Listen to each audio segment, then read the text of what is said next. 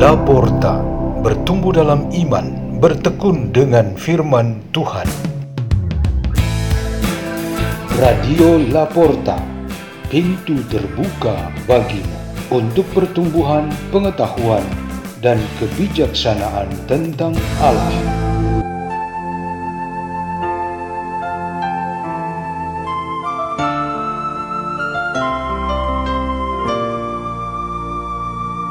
Bacaan dan Renungan Sabda Tuhan Hari Jumat Pekan Biasa ke-7 25 Februari 2022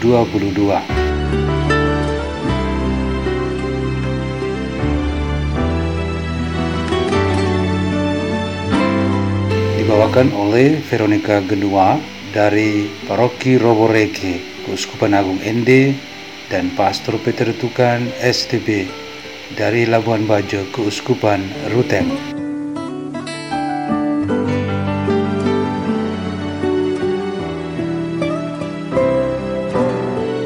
Inilah Injil suci menurut Markus bab 10 ayat 1 sampai 12. Pada suatu hari Yesus berangkat ke daerah Yudea dan ke daerah seberang Sungai Yordan. Di situ orang banyak datang mengerumuni dia dan seperti biasa Yesus mengajar mereka. Maka datanglah orang-orang Farisi hendak mencobai Yesus. Mereka bertanya, "Bolehkah seorang suami menceraikan istrinya?" Tetapi Yesus menjawab kepada mereka, "Apa perintah Musa kepada kamu?" Mereka menjawab, "Musa memberi izin untuk menceraikannya dengan membuat surat cerai."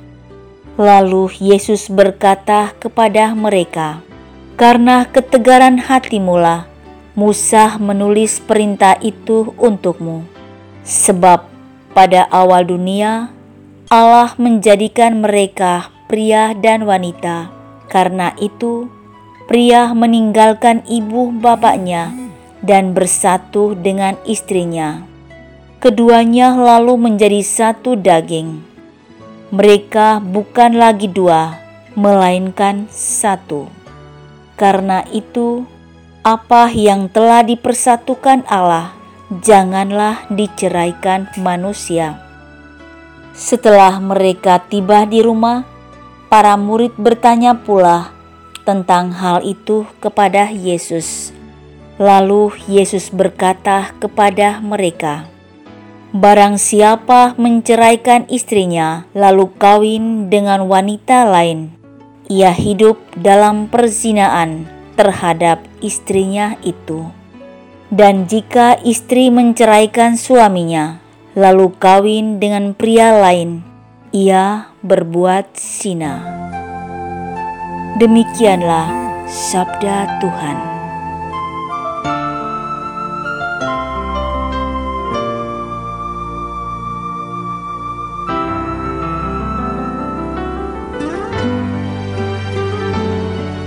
Tema renungan kita pada hari ini ialah ukuran kesetiaan. Suami istri terlihat saling mengasihi dan sering bermesrahan. Namun tampaknya banyak orang tidak tahu kalau mereka memiliki persoalan pribadi yang cukup mengganggu. Di depan anak-anak mereka terlihat kompak namun mereka sembunyikan kelemahan masing-masingnya. Di tengah orang-orang sekitar, mereka terlihat serasi namun ada konflik di antara pasangan itu yang tidak ingin diperlihatkan. Inti persoalan di antara dua pribadi pasangan itu ialah kesalahpahamannya tentang mengungkapkan rasa memiliki di antara mereka. Istri mempersoalkan bahwa suami hanya berkata dan berjanji tentang kesetiaan, tetapi di dalam praktiknya kosong. Misalnya, sering istri dijanji untuk ditemani belanja atau pergi rekreasi bersama anak-anak, namun suami tak pernah satu kali pun menepatinya. Beberapa tahun terakhir ia tidak ditemani suami pada waktu ia merayakan ulang tahunnya. suami sangat sibuk dengan pekerjaan dinas. Alasan yang diberikan oleh suami ialah bahwa ia selalu mengungkapkan perhatian dan kesetiaannya melalui pemenuhan segala kebutuhan materi bagi istri, anak-anak, dan keluarga secara keseluruhan. Hal ini jelas menggambarkan bahwa pandangan dan pemahaman tentang kesetiaan keduanya sangat berbeda. Istri ingin supaya ukuran kesetiaan dari suami adalah nyata dalam bentuk kehadiran dan kebersamaannya. Sementara suami beranggapan bahwa kesetiaan itu diwujudkan melalui pemenuhan segala kebutuhan materi untuk rumah tangga. Yang penting makan, minum, pakai, belanja, dan bekerja terjamin. Ukuran kesetiaan itu seperti apa sebenarnya? Pada prinsipnya, kesetiaan sering dirasakan kegunaannya ketika ia diukur secara kualitatif. Misalnya pemakaian kata sifat baik sekali, sangat baik, cukup baik, lumayan, menggembirakan, atau kurang dan tidak baik.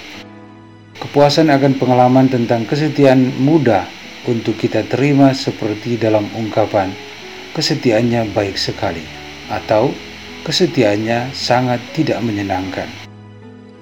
Singkatnya, dengan pernyataan kualitatif kesetiaan ini, kita dibantu untuk menilai bahwa kesetiaan seseorang pada saat tertentu baik atau tidak baik. Selain dari itu, kita juga dapat memandang dan menilai kesetiaan secara kuantitatif, yaitu sebuah ukuran untuk mengungkapkan bahwa kesetiaan itu berdurasi sesaat, beberapa waktu, atau selamanya. Tuhan menciptakan ikatan cinta antara laki-laki dan perempuan, lalu menetapkan bahwa perkawinan mereka didukung oleh kesetiaan dengan ukuran kuantitatif, yaitu untuk selamanya. Dengan ukuran kuantitatif ini, kesetiaan yang baik atau tidak baik akan sangat berpengaruh membentuk kesetiaan seseorang itu bertahan atau tidak bertahan. Bacaan-bacaan suci kita hari ini sungguh mengajarkan kita tentang kesetiaan yang bertahan sampai selamanya.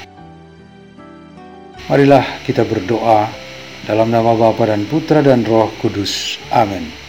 Ya Tuhan, perkuatkanlah kesetiaan kami, terutama kesetiaan kepadamu dan kepada sesama kami. Bapa kami yang ada di surga, dimuliakanlah namamu, datanglah kerajaanmu, Jadilah kehendakmu di atas bumi seperti di dalam surga. Berilah kami rezeki pada hari ini dan ampunilah kesalahan kami. Seperti kami pun mengampuni yang bersalah kepada kami.